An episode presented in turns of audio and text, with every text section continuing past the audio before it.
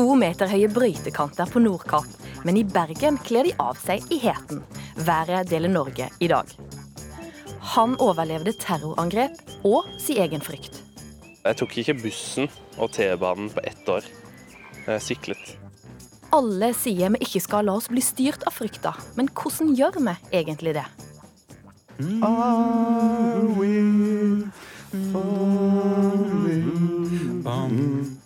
Dette er lyden av lidenskap. Lidenskapen til tre fans av Twin Peaks, og de kommer hit. Velkommen skal du være til ukeslutt i NRK P1 og P2. Jeg heter Ann Kristin Listøl. Og i denne sendinga skal vi òg mimre oss tilbake til tida da drømmen var å se ut som en bleikfeit professor med stokk. Sommertider, hei, hei, sommertider! Det snør, det snør, tiddeli-bom, det er det det gjør, tiddeli-bom. Nå snør det Når du hører dette nå, så ligger du kanskje lettkledd i en park. Eller du er en av de som trekker boblejakka ekstra godt rundt deg. For været, det deler landet vårt.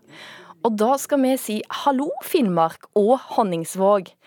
Og nærmere bestemt Ib Nymark, som jobber i Presis veidrift. Og dere har bl.a. ansvaret for å brøyte E69 som går til Nordkapp. Dere har en knallhard vinter, og hva vil det egentlig si? Nei, det vil si at, eh, at man har vinteren syv-åtte måneder i året. Og eh, det står på hver dag fra morgen til ja. Men nå så er det to meter Altså, det snø to meter opp på veien til Nordkapp. Hvor vanskelig er jobben for dere? Nei, det jo, vi bruker jo tung, tungt utstyr, freser og stor brøytebiler. Så det må jo freses hver dag for å holde veien åpen. Og hvor unormalt mye snø er det nå? Ja, det er jo mange år siden det har vært så mye, og så Uh, Ja, det kommer hele tida. Det har vært hver dag uh, snø. Han har gitt seg. Han har bare fylt på og fylt på. Det, det er noen år siden, ja. Og du bor fem kilometer utafor Honningsvåg, på et sted som heter Nordvågen. Og fortell oss litt, for dere har hatt så mye snø der, og hvor mye har du egentlig måka?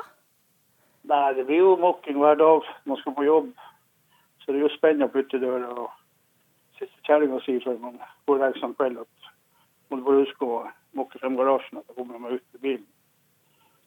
Og eh, jeg gjør jo det når jeg kommer på jobb og klokka nærmer seg syv og åtte, så ringer hun igjen og sier at glemte du noe i morges? Nei, så jeg mokka. Men ja, det var, det var fullt igjen, sier hun. Så i løpet av tre timer så kom det så mye ekstra. Og da skal vi si hallo, Hordaland og Bergen og Joakim Morken, som eh, jobber som badevakt ved Nordnes bad i Bergen. Hvordan er det å høre om finnmarksværet? Det, det høres egentlig ganske surrealistisk ut, skal jeg være helt ærlig. For eh, her er det stikk motsatt. Her er det blå himmel, ingen skyer og full sol, 25 grader. Så det høres egentlig ganske litt kjipt ut, for å være helt ærlig. Og hvordan merker du det på bergenserne som nå strømmer til for å bade hos dere? Ja, altså alle er jo, eller de aller fleste er jo veldig glad i forhold til eh, Eller ikke i forhold til hva de pleier å være, men jeg merker veldig godt at folk er gladere, enn, gladere når, det, når, det, når det er fint vær og sol, i hvert fall. da. Ja, hvordan merker du det på lynnet til bergenserne? Folk er mye mer hyggelige, folk smiler mer, folk, eh, folk spøker og Ja. Men det er, vel, det er vel sånn typisk om sommeren at folk blir mye gladere da enn enn de er om vinteren. Har du noen tips da til Ib Nymark som eh, har mye snø i Finnmark? Hva sa du for noe? Har du noen tips til Ib Nymark som er med oss fra Finnmark og har mye snø? Ja, altså han er jo fra Finnmark, så han er jo sikkert veldig godt vant til det. Men han kan nå eh, Nei, jeg vet ikke. Han får nå håpe at det kommer litt sol og kanskje kan sitte seg ute i, i snø med en kaffe og, og slappe litt av. Takk til deg. Og avslutningsvis da til deg, Ib Nymark. Hva gjør, hva gjør det med deg å høre om så mange andre som har så fint vær? Nei, da, det, det er jo bra de har, har fint vær, men det er ikke så godt vant til fint vær. Så det, så, og vi har nå valgt sjøl å bo her oppe, så vi må nå bare ta imot det som kommer. Ikke noe annet. Se positivt på det. Dere to skal begge to få lov til å jobbe videre. Takk til deg, Ib Nymark, og til deg, Joakim Morken. Og vi skal holde oss eh, i det litt mer sommerlige, fine været. For når sommeren kommer til store deler av landet, da har de òg tid for å vise fram den såkalte sommerkroppen. Et sikkert vårtegn er at folk begynner å snakke om den. Og da er det jo viktig å legge seg i hardtrening for å bli en best mulig utgave av seg sjøl. Men så kommer jo òg alt dette her om at nei, nå er kroppspresset for stort. Men kravet til sommerkroppen er langt fra nytt. Vi hadde masse pupper. Vi var jenter fra landet. Det var pupper overalt. Og broren min sa at han var så lei av de der puppene slengende rundt ørene bestandig. Kusinen hadde pupper, tanten hadde pupper, mamma hadde pupper. Hva var det for noe som var så gjevt med puppene, da? Rundt et kafébord sitter fem damer og mimrer om gamle dager. Jeg har bedt de fortelle meg hvordan deres sommerkropp så ut da de var unge, og merker at puppene sto høyt i kurs. Vi skulle være, ha store bryster. Vi skulle ha sånn inn, inn store bryster, og så, og så inn med magen. De som vi så av modeller i motehusene, de var jo hulkinnet og gikk bakover som om de skulle gå i motvind. Selv om den nå har blitt redusert til en hashtag, SK2017, er ikke sommerkroppen noe nytt. Det var bare litt andre kroppslige kvaliteter som ble satt pris på før i tida. Mot i brystet, vett i panne, stål i ben og armer. Ryggen rak og blikket fritt, se det er bra. Syns jeg det er veldig flott når du ser en kvinne eller mann, uansett størrelse, som er rett i ryggen, hevet hodet og gå bortover. Fantastisk. Uansett. Så, etter å ha blitt fortalt at jeg må rette meg opp i ryggen når jeg går, Det er der du skal. Det der du skal. Ja. drar jeg til kunsthistoriker Tommy Sørbø, som kan fortelle meg om sommerkropper helt tilbake til Picassos dager. Det berømte bildet ikke sant, Mademoiselle Davignon av eh, Picasso har, er litt puppball og gjør seg til. Litt sånn cocktail 1965, sånn, eller pinup-pike. Kunsthistoriker Sørbø har sett kroppsidealene forandre seg over århundrer på lerretet, men mener fortsatt det finnes en rød tråd. Idealet for hva som er vakkert, hele tiden forandrer seg hos kvinner som hos menn. Så er det én rød tråd i skjønnhetsidealet, og det er at en vakker kropp ikke er lett å oppnå. Det, må, det, det krever alltid et eller annet. Enten krever det mye mat, som kan være vanskelig å få, eller så krever det lite mat, som er vanskelig fordi vi har lyster og begjær. Men la oss se litt på sommerkroppen for 100 år siden.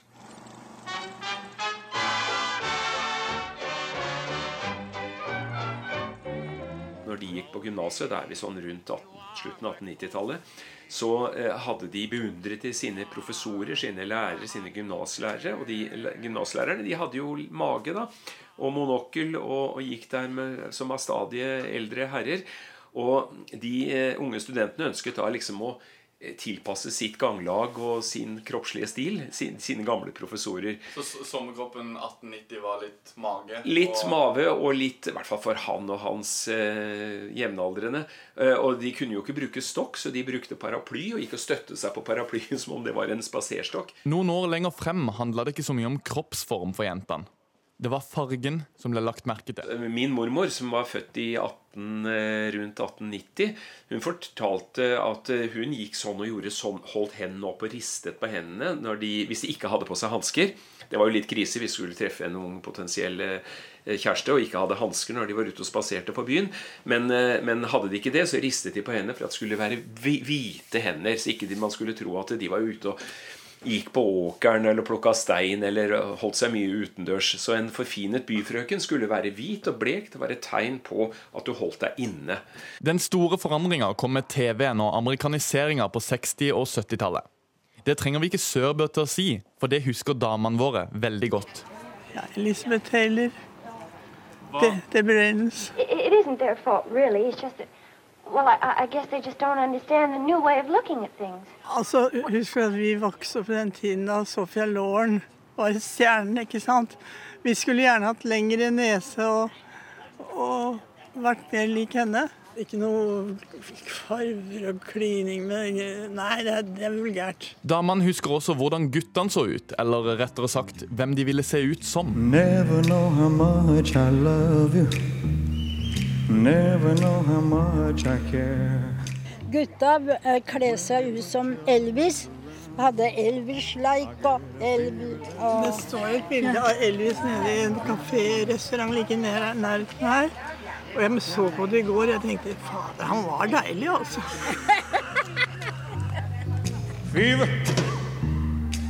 Han var kjekk, men Elvis-kroppen og moten varte ikke lenge. Det var nemlig noen britiske gutter som skulle definere kropp og klær i mange år fremover. I give her all my love. That's all I do. Og så kom Beatles etterpå. Og da, og da skulle gutta ha lengre hår, og, og som de kalte for Beatles-sleik. og Damene smiler når de prater om Liverpool-gutter med langt hår, men smilet blekner når de må snakke om dagens unge og kroppspresset de opplever. Jeg, vil jeg syns det er helt fjolte. Jeg tror folk er gærne. Rett og slett. Unødvendig tull er det. De penere hvis de ikke går og tenker på kroppen og sånn. Tenker på hvordan det skal være ellers så høflig og ordentlig. Det tror jeg er det beste av alt. Derfor de støtta kunsthistoriker Tommy Sørbø, som i tillegg kommer med et råd til de unge menneskene som akkurat nå står og vurderer SK 2017. Hvis du greier å virke helt avslappa med en ganske brukbar og grei kropp som ikke er veltrimma, så vil den avslappetheten eh, kanskje smitte over på omgivelsene og gjøre deg eh, egentlig bedre enn om du hadde hatt en perfekt kropp. For det du demonstrerer da, det er en vilje som hever seg over eh, dette kravet. Og Sånn sett så får du demonstrert en vilje som er enda sterkere enn den viljen du får demonstrert ved å ikke spise pommes frites eh, annenhver dag. Men Åssen er min, min sommerkropp, da? Kjempe. Helt, ålreit. Jeg syns du er litt tynn. Skulle gjerne hatt på deg litt. Grann. En liten Et par kilo. Ja. Husk jeg spør meg, hvor mye veier du? Det var reporter Daniel Eriksen, som veier 83 kilo. Vi skal skru tida tilbake til starten av 90-tallet.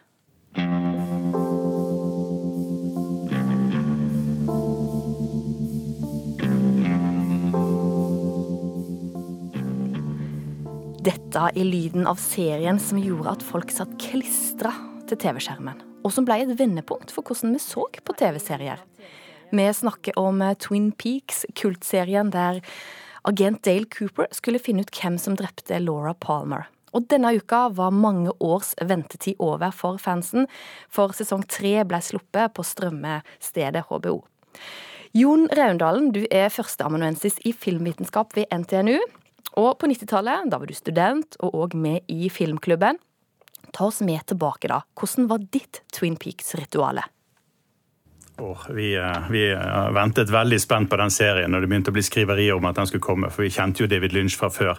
Fra eh, de mørkeste dypene i Eraserhead og via denne her disse her filmene hans, Blue Velvet og sånt. Så vi var veldig spent når TV-serien skulle komme. For det var jo ikke så mye spennende som skjedde på NRK for unge voksne rundt 20 eh, den gangen. Så vi var kjempespent på, på hva som skulle skje.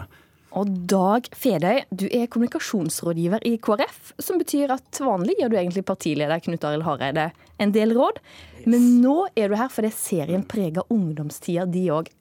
Hvordan da? Nei, jeg ble jo umiddelbart hekta. Jeg syns jo det var en fantastisk spennende historie. Og et fantastisk eh, spennende univers. For ikke snakke om, for ikke snakke om surrealistisk univers. Så det, det fanga meg veldig. Sitter her og smiler, faktisk.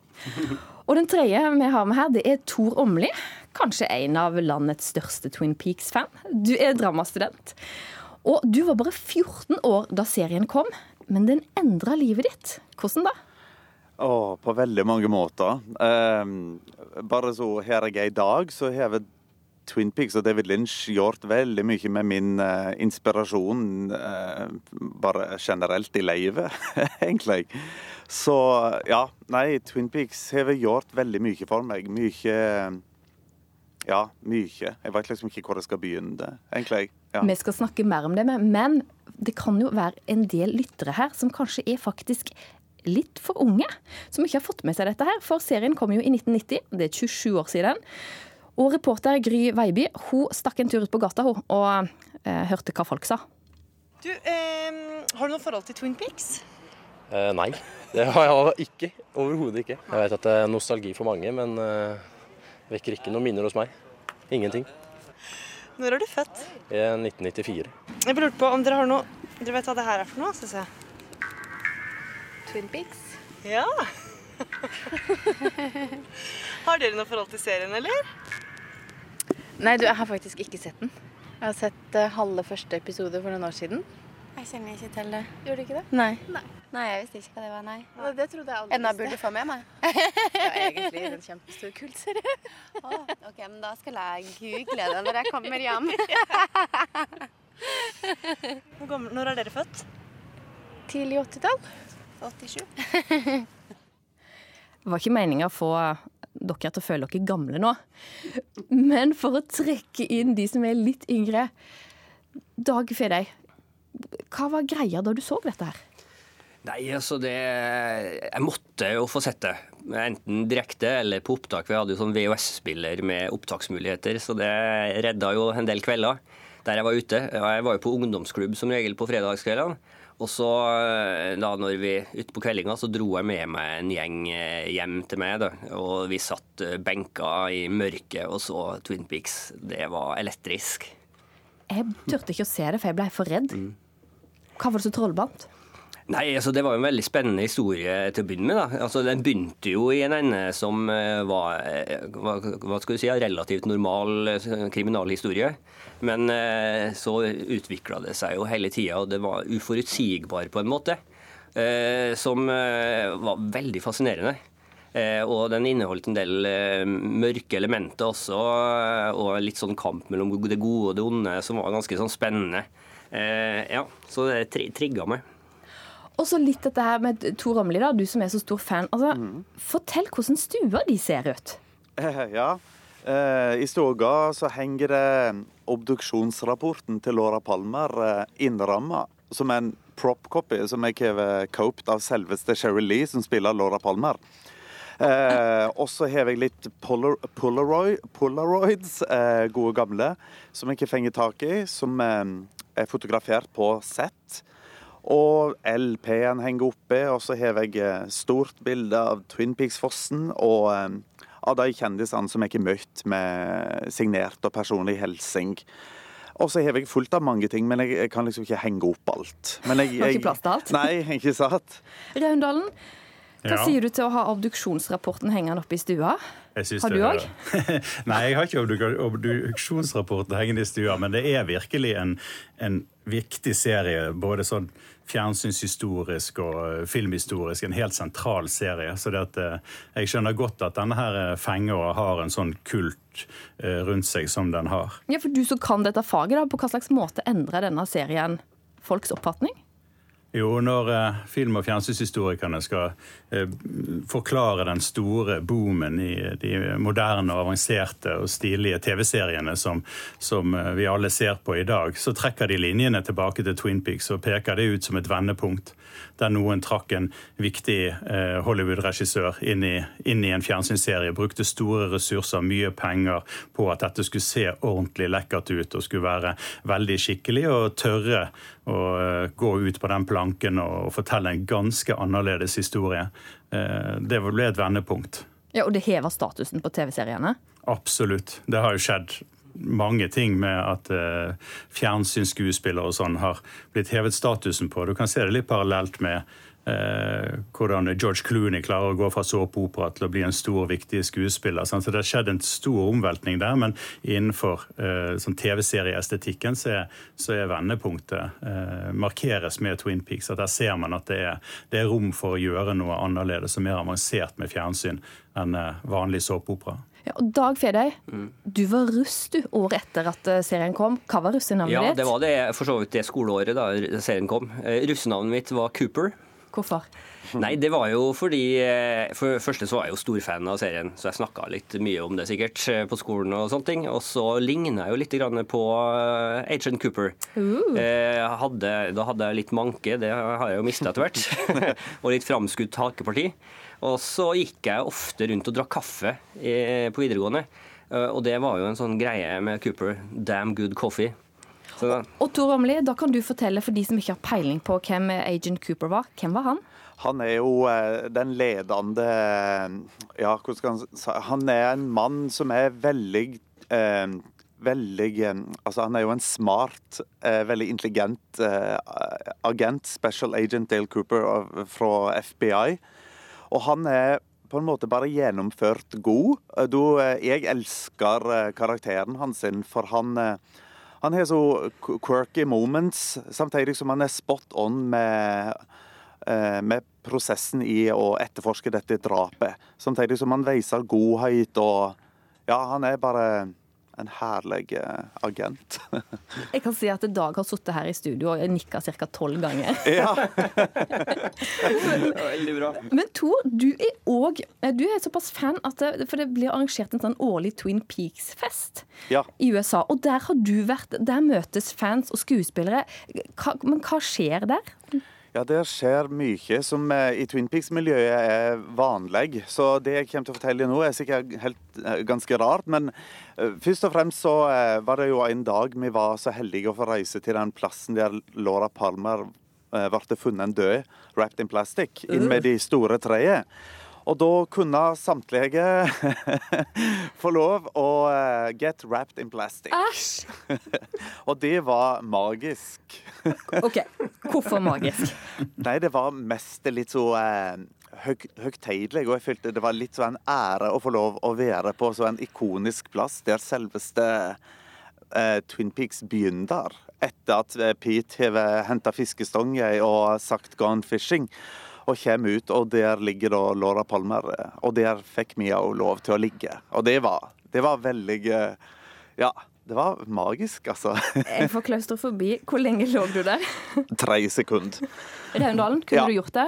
Om jeg kunne gjort det? Ja. Jeg syns dette høres veldig kult ut. Jeg tror faktisk at jeg har en kamerat som har gjort det. For jeg vet at, eh, at eh, profilbildet på Facebook til Geir Henning Hopland, som sjøl er en viktig TV-serieregissør nå, som jeg vokste opp sammen med, han har et sånt bilde av seg sjøl i plastikk der. Jeg lurer på om det er fra sjølve plassen, eller om det muligens er Photoshop. Men eh, jeg mistenker at dette må være det samme. Ja, tøft. Dag Fede er noe å ta med seg og gjøre dette her i stortingsgruppa til KrF. Det, det, tror jeg ikke går helt hjem.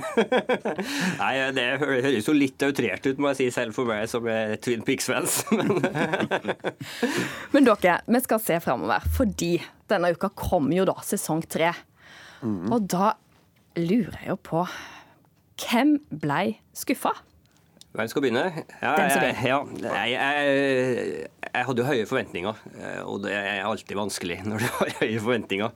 Men den begynner jo litt der den slutter eh, i, på begynnelsen av 90-tallet. Og det er jo et eh, litt annet sted enn den begynte. Det er overnaturlige og det ja, surrealistiske har jo tatt mye overhånd. Og jeg syns jo at det ble veldig surrealistisk utover serien, men jeg hang jo på likevel. Det er noe med når du først er inn i det. Eh, Men eh, nå har jeg jo sett fire episoder, og det, det kommer jo på det, altså det vokser jo på meg. og eh, man følger jo Hva skal, hva skal man si? Jeg vet ikke om vi skal røpe noe av innholdet. Det er jo litt skummelt. men Folk bør se det. Den har jo fått delte kritikker eh, av anmelderne. Hva sier du, Raundalen? Ja, Jeg har ikke sett de nye, da, men jeg må si at jeg har akkurat sett om igjen de gamle. Altså den første sesongen. eh, For første gang siden jeg eh, så dette på 90-tallet. Og den har i hvert fall holdt seg veldig godt, det må jeg si. Jeg var veldig imponert over og hvor fresh den fremdeles virker, og hvor eh, utrolig imponerende den sjanger, postmoderne sjangermiksen som eh, David Lynch holder på med der er. Du ble ikke Så- skuffa? Nei, jeg ble ikke skuffet over de gamle, så de kan man trygt ta fram igjen. Men jeg har enda til gode å se de nye. Det, det gleder jeg meg til nå. Tor Ramli, da? Ja. Du har sett begge? Ja, jeg har ikke sett uh, fire episoder. Jeg har ikke sett det to ganger. Eh, og jeg elsker det. det. Det var mest som når eh, sesong én kom, så var dette så nytt, og vi har ikke sett det før. Og eh, jeg har òg, som Dag, skyhøye forventninger. og jeg tenkte bare Jeg aner ikke hvor vi er forberedt på. Og, det, det var jo virkelig så det var. Jeg, jeg, jeg har ikke i min fjerneste anelse kunne ha sett for meg at sesong tre er, kom til å være som det er. Ja, jeg må, jeg må si altså, det, er jo det som er fascinerende med David Lynch da, og Mark Frost, er jo at de overrasker sånn. Altså, du, du, Det er så uforutsigbart. Du kunne ikke forutsett hvordan sesong tre ble i det hele tatt. Og det er jo noe av det fascinerende også som ligger under i serien. Her, eh, her vet du ikke, her aner du ikke eh, hva som skjer rundt neste sving. Men dere tre, til slutt. Kjenningsmelodien har jo gjort inntrykk på mange. Og på dere. Vil dere gi ukesluttlytterne kjenningsmelodien her på tampen? Én, to, tre. Are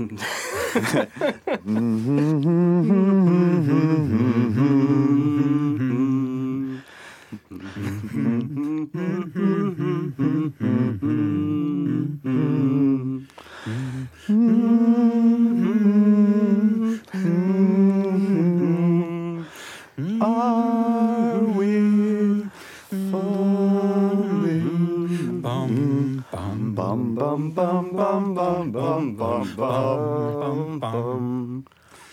Dum, dum, bum, bum, bum, bum, bum, bum.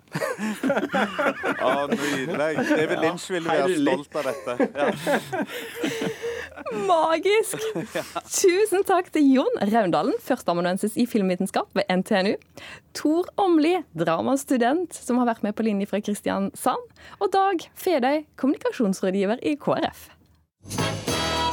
Du hører på Ukeslutt her i NRK P1 og P2. Bli med videre og hør mer om dette. Vi må merke reklame som er retusjert, mener komiker Maria Stavang. Urealistisk, mener Susanne Aabel, som er programleder, og som sjøl har blitt retusjert og digga det. Igjen har en terrorist tatt livet av uskyldige mennesker. Mennesker som bare skulle på en Ariana Grande-konsert. Angrepet i Manchester mandag kveld drepte 22 mennesker. Over 100 ble såra. Og så var det dette med frykten, da. Hva gjør den med oss? Per Anders Langrød vet mye om dette. 22. juli 2011 så slapp han unna gjerningsmannen på Utøya. I åra som fulgte, var han konstant på vakt i tilfelle det skulle komme nye terrorangrep. Frykta hadde tatt styring over livet hans. Men så, i dag, er han mest opptatt av å nyte øyeblikka og de dagene der terroren rammer nabolandene våre. Det vil han gjerne at du og jeg òg skal gjøre. Hei. Eh, kaffe til å ta med, eller? Per Anders Langerød bestiller to kaffe i papp. Det er altfor fint vær ute til at vi kan sitte inne. Så henter jeg to is. Nei, så du er heldig å få en av de. Takk skal du ha. Med hver vår pinneis i hånden går vi ut i solen. Det er grønt i gresset, skyfri himmel og gode 20 grader. En perfekt maidag skapt for å nytes.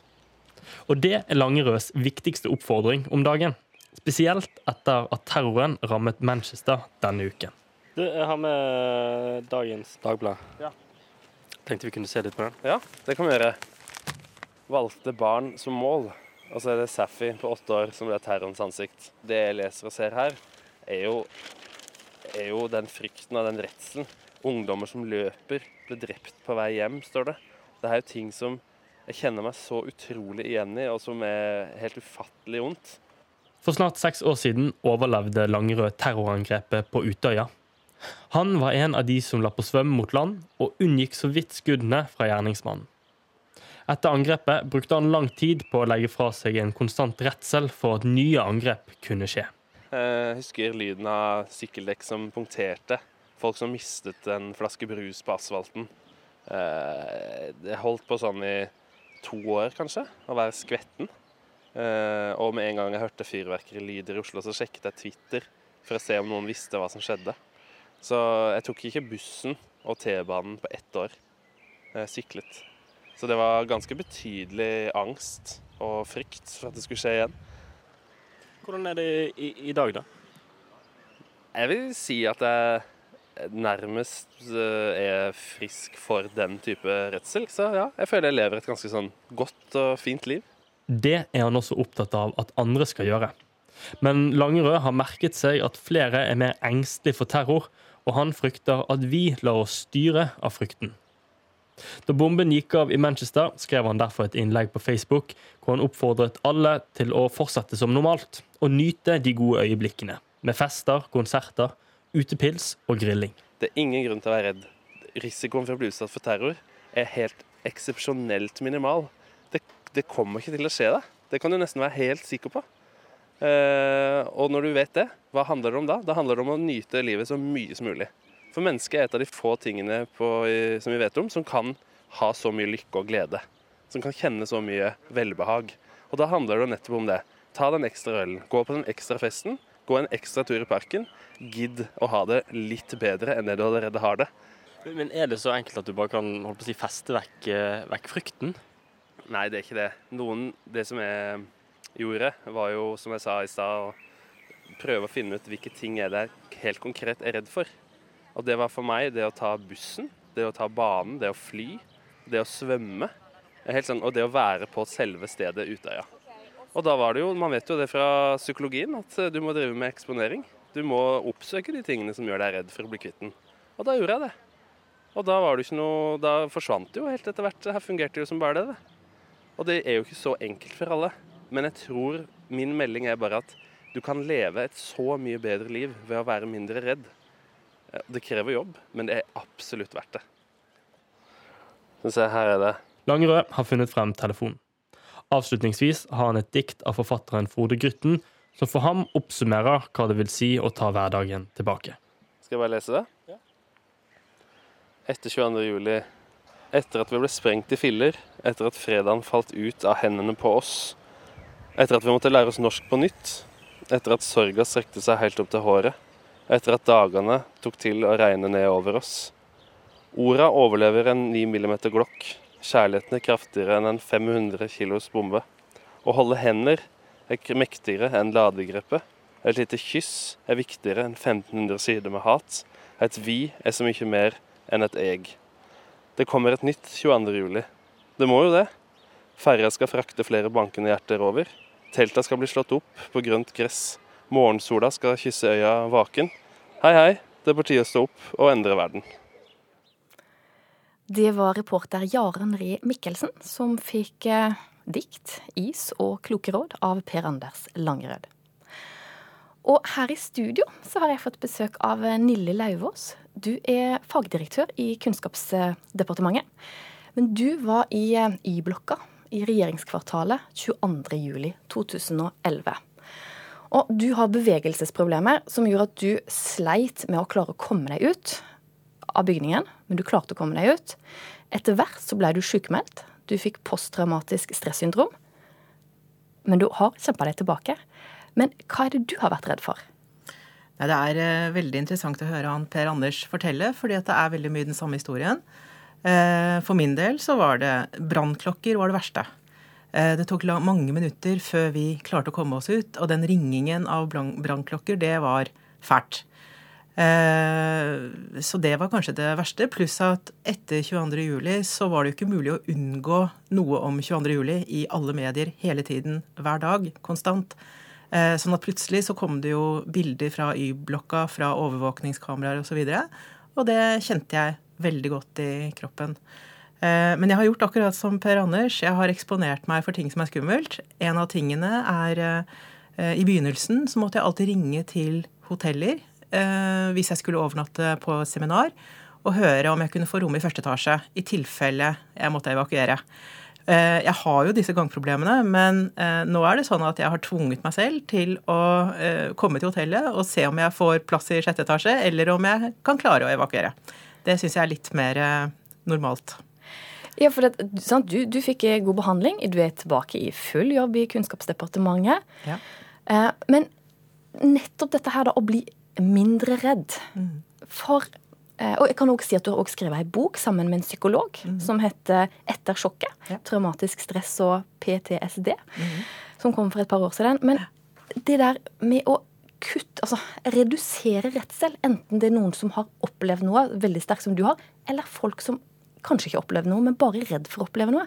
Hvordan redusere den frykta? Jo, jeg tror det, Vi kanskje må skille på to ting. Hvis, hvis du ikke har opplevd noe veldig veldig skremmende i livet ditt, eh, men blir litt redd nå av denne eh, terrorfrykten, og lurer på om du skal tørre å dra til London, tørre å dra til Paris, tørre å gå i barnetoget, selv om det nå ikke er så aktuelt akkurat nå, så tenker jeg du må prøve å være litt rasjonell. Eh, som han Per Anders sa, det er helt minimal risiko for at noe fælt skal skje deg. Det er mye mer risikabelt å kjøre bil eller å kjøre båt uten redningsvest. Eller, det er veldig mange av dagligaktivitetene våre som er mye, mye skumlere enn å reise til London eller å dra på konsert eller på fotballkamp. Så først så tenker jeg at man må prøve å være litt rasjonell, og så må man spørre seg selv vil jeg at den frykten her skal påvirke mitt liv negativt? Skal jeg slutte å gjøre ting jeg liker for en sånn diffus, uggen følelse? Og da håper jeg svaret blir nei. Jeg kan ikke la dette styre meg. Og det, sant, og det hører vi jo mange sier. Terroristen må ikke vinne. Mm. Vi må ikke la frykta styre oss. Men eksempel 17. mai nå, sant? da hørte vi om folk som valgte å ikke oppsøke store folkemasser. Mm. For at du vet, eh, statistisk en liten sjanse. Det er mye farligere å kjøre bil. Mm. Statistisk liten sjanse. Men så får du den tangen. ja, men det kan være farlig, så jeg får det litt enklere hvis jeg lar være. Hva, hva, hva vil du s- ja, det? Men ikke sant, det er jo helt irrasjonelt. fordi hvis man skulle vært liksom veldig rasjonell, så du burde, burde du først slutte å kjøre bil. Eller eh, slutte å kjøre båt uten redningsvest, eller slutte å bade i sjøen, eller veldig mye annet. Eh, men det gjør vi jo ikke. Så jeg tenker at vi må prøve å, å ta hverdagen vår tilbake. fordi at akkurat 17. mai-tog skjer bare én gang i året. Men ellers er det veldig mye hverdagslige ting som kan være skummelt. Gå på konsert med Bruno Mars. Det, eh, før det som skjedde i Manchester, så ville vi ikke tenkt at det er skummelt. Men plutselig så tenker vi at det er skummelt. Men det er en hverdagslig ting. eh, Å gå på konsert, gå på kino og prøve bare å ta den hverdagen. Og hvis noen nå f.eks. er redd for å ta T-banen, eller redd for å ta en buss. eh, Hva er, konkret hva kan du gjøre? For Hvis du tenker ok, du går om bord på bussen, og så begynner du å se etter noe, og så blir du litt redd, og så kjenner du angsten er der. Hva, hva skal du da gjøre? Jeg tenker at eh, Hvis du begynner å bli ordentlig redd, så må du konfrontere deg. Akkurat som Per Anders sa. Eh, Og det betyr at da må du øve, da. Eh, Hvis det er skummelt å ta T-banen, så er det kanskje lurt å øve på å ta T-banen en dag hvor det er lite trafikk. En dag hvor det er hverdag, hvor det ikke er mørkt. Prøve å finne ut hva er det egentlig du syns er skummelt. Er det terror, eller er det det at det er mange mennesker, at det er uoversiktlig? Og så prøve å øve eh, når det da er litt lettere. Og øh, Nå sitter jo du her nå, men før du kom inn hit, så kom du en liten svipptur innom mens det var en sang som ble spilt. Hvorfor gjorde du det?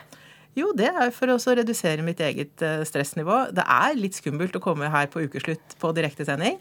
Eh, Og da tenker jeg, hvis jeg får se studio, se stolen, eh, hilse på deg, så blir det litt mindre skummelt. Og akkurat sånn kan vi øve også når det gjelder de andre tingene i livet som kan være litt skummelt. Øve. Det er sånn hverdagstips det er hvis du skal på et jobbintervju. Ja.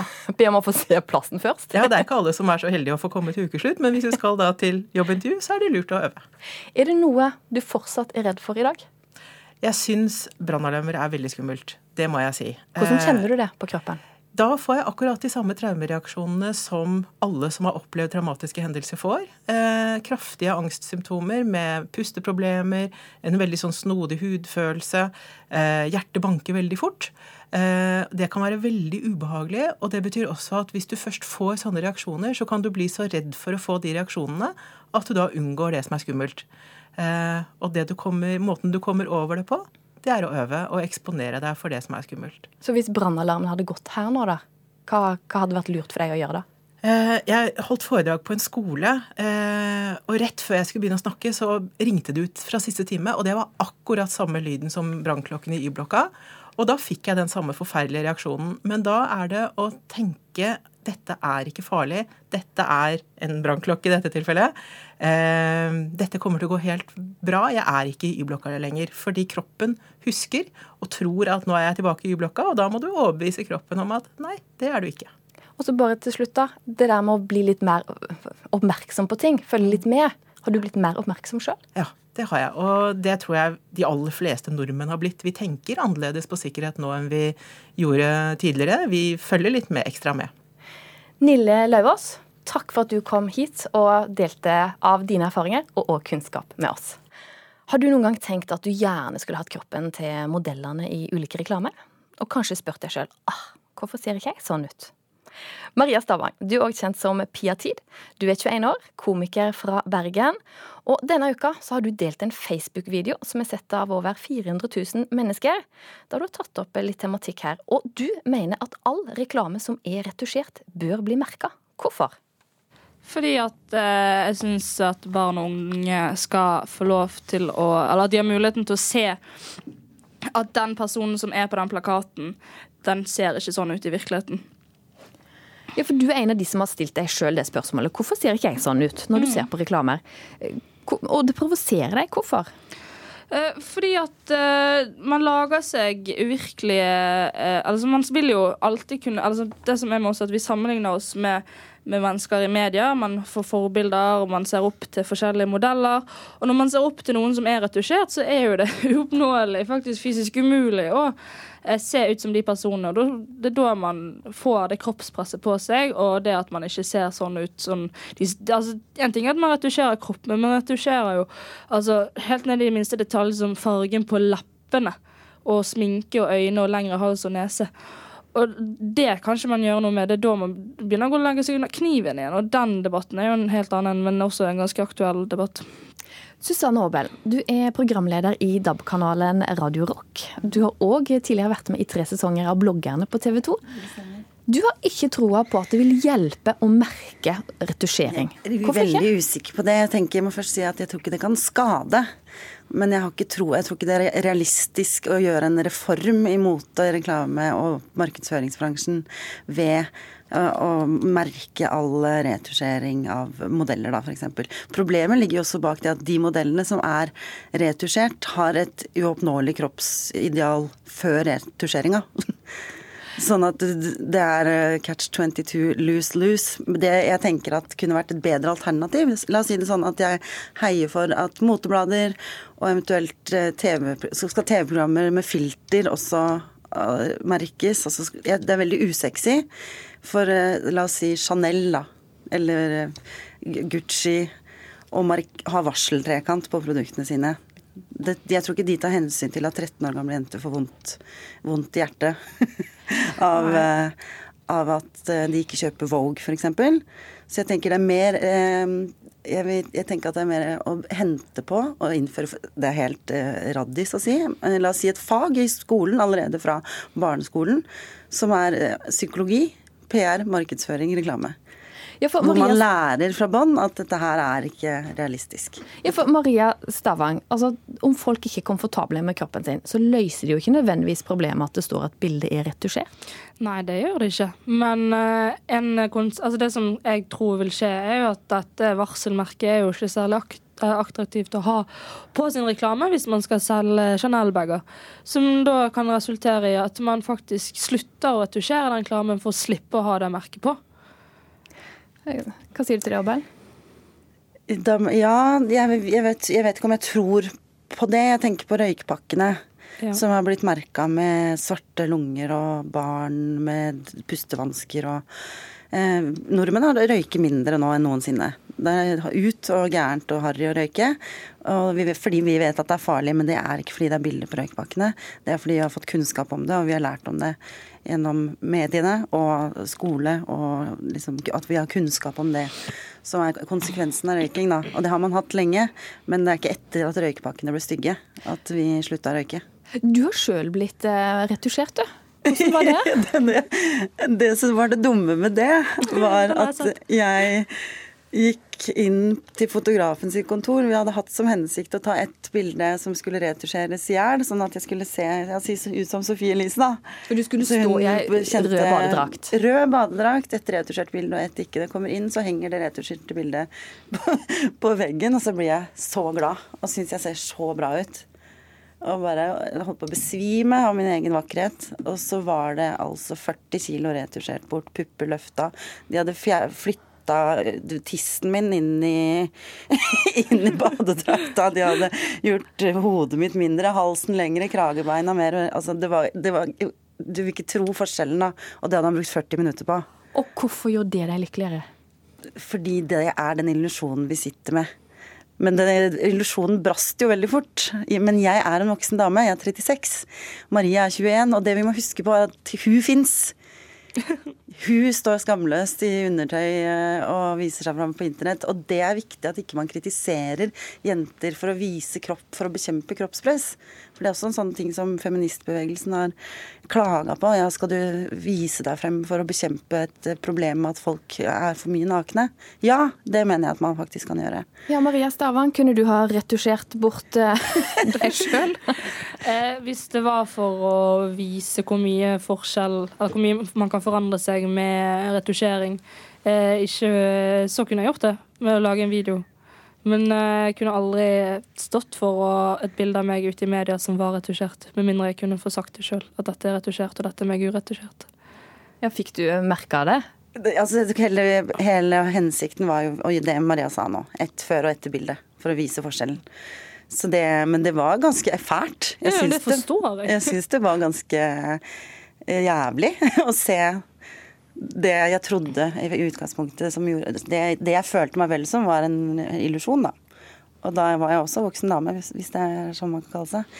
Vi må huske på at eh, liksom, Tenk på Skam da, og Girls, de TV-seriene som unge jenter også digger nå. Der er det ekte babes. Der er det fine, flotte damer uten det vakreste av det vakre. Og, og der Vi må ikke glemme det. At det, vi har skarpe hoder her til lands, selv om de er små. Men kroppspresset er helt, helt banalt voldsomt. Ja, Stavang, når kjenner du på kroppspresset? Uh, jeg kjenner aller mest på kroppspresset på de dagene hvor, altså på dårlige dager hvor klær ikke passer, hvor jeg føler alt stikker ut her og der. Og, uh, og selvfølgelig når man sitter med den Instagrammen i hånden, og alle viser seg fra sine beste vinkler. Og jeg sitter jeg ikke, du, du, du har, Men jeg er jo veldig klar over de, dag, de gode dagene hvor man tenker sånn så har den informasjonen som man har, sitter med, uh, og vet hva slags, hvordan reklamebransjen jobber. De vil jo bare bruke de fineste modellene for å kunne selge produktet fordi man har lyst til å se ut som de modellene som vises i reklamen. Hva gjør du sjøl de dårlige dagene, da? Man må jo bare jobbe med det. Jeg har ikke noe sånn eh, supersmart svar på det, men det er jo bare å si sånn Nei, du er fin nok, du er fin nok, du er fin nok, du er fin nok, du er fin nok, du er fin nok. Og så går jo det seg til. Susanne Aabel, og du da? Ditt råd til de som god- kjenner på kroppspresset? Bli over 35. så lander det litt. Få deg en unge. kjenner du ikke på det? jo, jeg, vet du hva? jeg sa jo det når jeg kom hit eh, til studio, at jeg kjørte forbi en park med masse jenter som lå i badetøy eller bikini. Og jeg må innrømme at jeg til dags dato ikke gjør det, fordi at jeg fortsatt har komplekser. Så det er mye som henger igjen, men eh, nå er veldig mye mer levbart nå. Og så må man som ung jente bare oppsøke realistiske kilder. Mm. Takk til deg, Susanne Aabel, og til deg, Maria Stavang. Og Maria Stavangs engasjement rundt eh, kropp og kroppspress kan eh, du se mer av i Lørdagsrevyen på NRK1 i kveld. Ansvarlig for sendinga Gry Veiby. Teknisk ansvarlig Erik Sandbråten. Jeg heter Ann Kristin Listøl, og enten det er dårlig eller fint vær, håper du får en fin helg.